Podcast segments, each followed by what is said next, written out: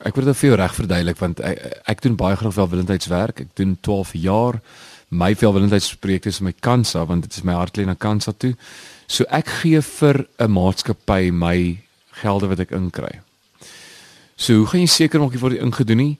Weet wat aangaan. Ehm um, kom ek gee 'n scenario. Ek het 'n ek het 'n tydjie terug gesing. Tragies het daar ehm, 'n um, kind is deur 'n hond gebyt in die gesig en die familie het die geld om die kind te sorg vir nie. En, en ek het toe gesê dat ek gaan optree vir hulle gratis. En hulle het gesê dis reg en ek het gesê waar's ek het my huiswerk gedoen nie. Ek het gesê waar's dit in hierdie dorpie hierso? En ek sê sal klank nie, daar is klank is in skoolsaal. Jy weet en dit is en dit is dit. Ek het daar aangekom.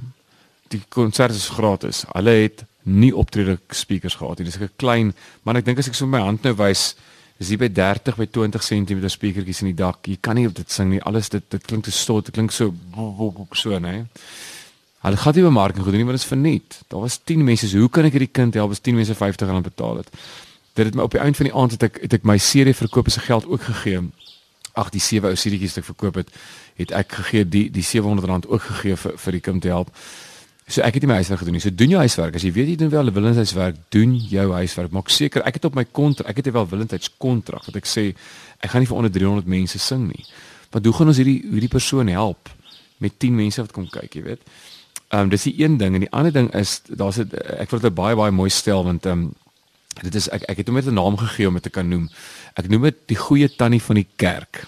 Dit is die tema van die goeie tannie van die kerk moes jare lank vir enige fondsinsameling vir die kerk moes hy pannekoeke heel Saterdag lank gebak het. Nou tel sy die foon op as 'n boekekunstenaar en dit vat haar oproep en almal prys vir haar. Ehm um, kom ons sê die die inkomste van die van die aand sou gewees het ehm um, uh R10 en sy het die kunstenaar afgestry tot R7 en nou is daai R3 'n skoon wins en die ou dame moes sy heeldag pannekoek gebak het met R2 wins te toon. So weet waar jy is en hoeveel mense jy kan trek, doen jou huiswerk. Um, en as jy dan vir 'n afslag gee, maak seker die kerk of die skool of die instansie maak genoeg geld om want, want jy is welwillendheids as jy hulle verniet wil nie verniet wil doen. Ek ek doen môre doen ek 'n verniet konsert by by skool want ek dink daar gaan genoeg mense wees om iemand te kan goed help, so ek doen dit.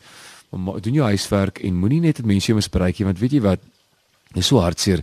Hierdie ouetjie wat ek ken, hy gaan sing by by kroeg. En sê die ou van Moorie so, jy moet nou vanaand kom sing verniet, jy weet. Um en hy kom toe want hy wil hy, hy wil kom sing daai, jy weet, so hy kom sing verniet. En die kroeg druk almal kar se drankie kom druk hy eienaar geld in sy sak. Hy druk geld in sy sak. En hierdie ou maak musiek vir hom. En môre oom kom hy terug en sê hoorie so, ek wil asseblief terugkom, ek wil kom geld verdien. Die eienaar sê is reg. Ek sal vir jou um R500 gee. Nou kom sing jy ouetjie net, vat sy vir ons baie gelukkig. Dan sê hy nou oor die môre moet jy twee keer langer kom sing, maar gaan jou 6500 rand gee. Weet wat die mense verstaan, jy, jy moet met die mense onderhandel. Jy jy's musikant, moenie altyd die ou wees en sê ek gaan nou nie 'n kontrak hê nie. Ek gaan nou ek ek is te jammer ek lewe. Jy lewer 'n goeie diens en daarvoor moet jy betaal word. As die eienaar vir jou nie wil betaal nie, hy sê van nee, jy's nou te wind gehad want jy wil te veel geld vra, dan moet jy nie daar gaan sing nie.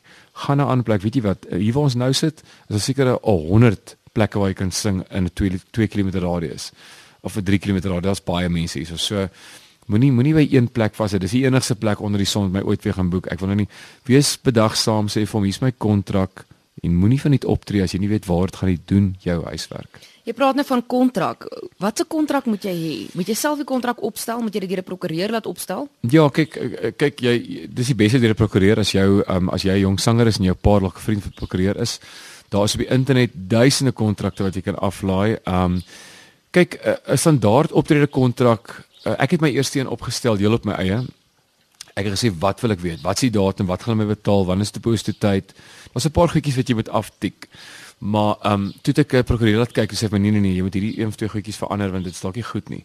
En hierdie kontrak het ek in my boek gesit. Ek meen ek het 'n ek is kom vir mense te wys nie. Ek is my kontrak se doodnormale kontrak wat net sê dat um, ons wil in 'n sekere plek bly wat wat skoon en netjies is. Um, die, dis eintlik my reëlings. Wanneer begin die konsert? Um, is daar verhoog met ek en saambring? Is daar geligte moet ek saambring? So jy kan nie sonder 'n kontrak doen nie. In die ou dae het ons sommer 'n e-pos gevat en sommer dis sommer 'n kontrak geweest, maar deesdae, jy weet, sit jy daar nou nou jy ver gery. Ek in laasweek gewees, ons is so vreeslik honger. En dis 4:00 die middag, maar ons weet ons moet nou eet.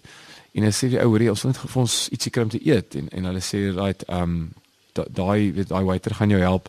En hulle kom terug met die verskillike rekening en en ons sê maar hoorie dis op die kontrak. Hy sê waar's kan ek sê is die kontrak. Dis maklik. Uh, hy het geteken, ek het geteken. Dis soos enige iets. As jy by 'n gastehuis gaan bly, um enige normale op straat, het hulle ook maar deposito's toe. Hulle het ook maar kontrak as jy jou huis laat verf, hulle het ook maar kontrak. Almal het hulle kontrakte. So musikante, jy moet 'n kontrak hê. Dis baie belangrik. Jy kan nie sonder kontrak optree nie. Al is dit drie lyne wat sê my naam is Pieter van der Merwe. Um ek gaan daai dag by julle optree vir hierdie bedrag. Die optree gaan so laat begin en uh um ek bring klank saam. Net ietsie dat die mense weet. Dit is altyd belangrik. Jy kan nie sonder 'n kontrak enigiets doen nie. Ek doen persoonlik al ek het al my vingers verbrand en na dese kan ek terugkyk en ek kan in die boek sê kry jy 'n kontrak. Ons het verlede week gesels oor oor toer, die logistieke bestuur en hoekom jy moet toer.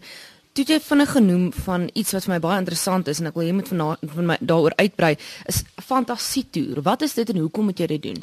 Oké, okay, ja, fantasie toer is ding wat ek nou nog doen, um, maar ek het as jong sanger toe ek nog geswat het, het ek myself gedink, "Jesus, weet, dink nou by jouself as ek nou, ek is nou, toe was ek nou 19 jaar oud, weet, ek nou begin swat en ek ek het 'n simmermaat, ons nou klaar eksamen geskryf, Stellenbosch en nou moet ek begin toer, maar waartoe nou?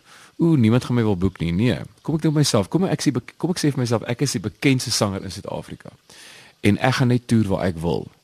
So ek het letterlik begin bel na Mosselbaai toe en ek het gebel na die munisipaliteit toe en gevra waar is die grootste rusverstoring plek wat julle het. Hulle sê nee, UB Punt is daar plek Tidals geweest. En daai plek, hulle raas dit laat in die nag. En ek het Tidals ek sê daai daar's 'n goeie plek vir my om te begin by. So dan daar sal ek nou beweeg die bekendste sanger in Suid-Afrika sal beweeg na Nyasa toe. Ek sal daai iets doen en dan sal ek opbeweeg nou 'n bietjie Jeffreys Bay toe.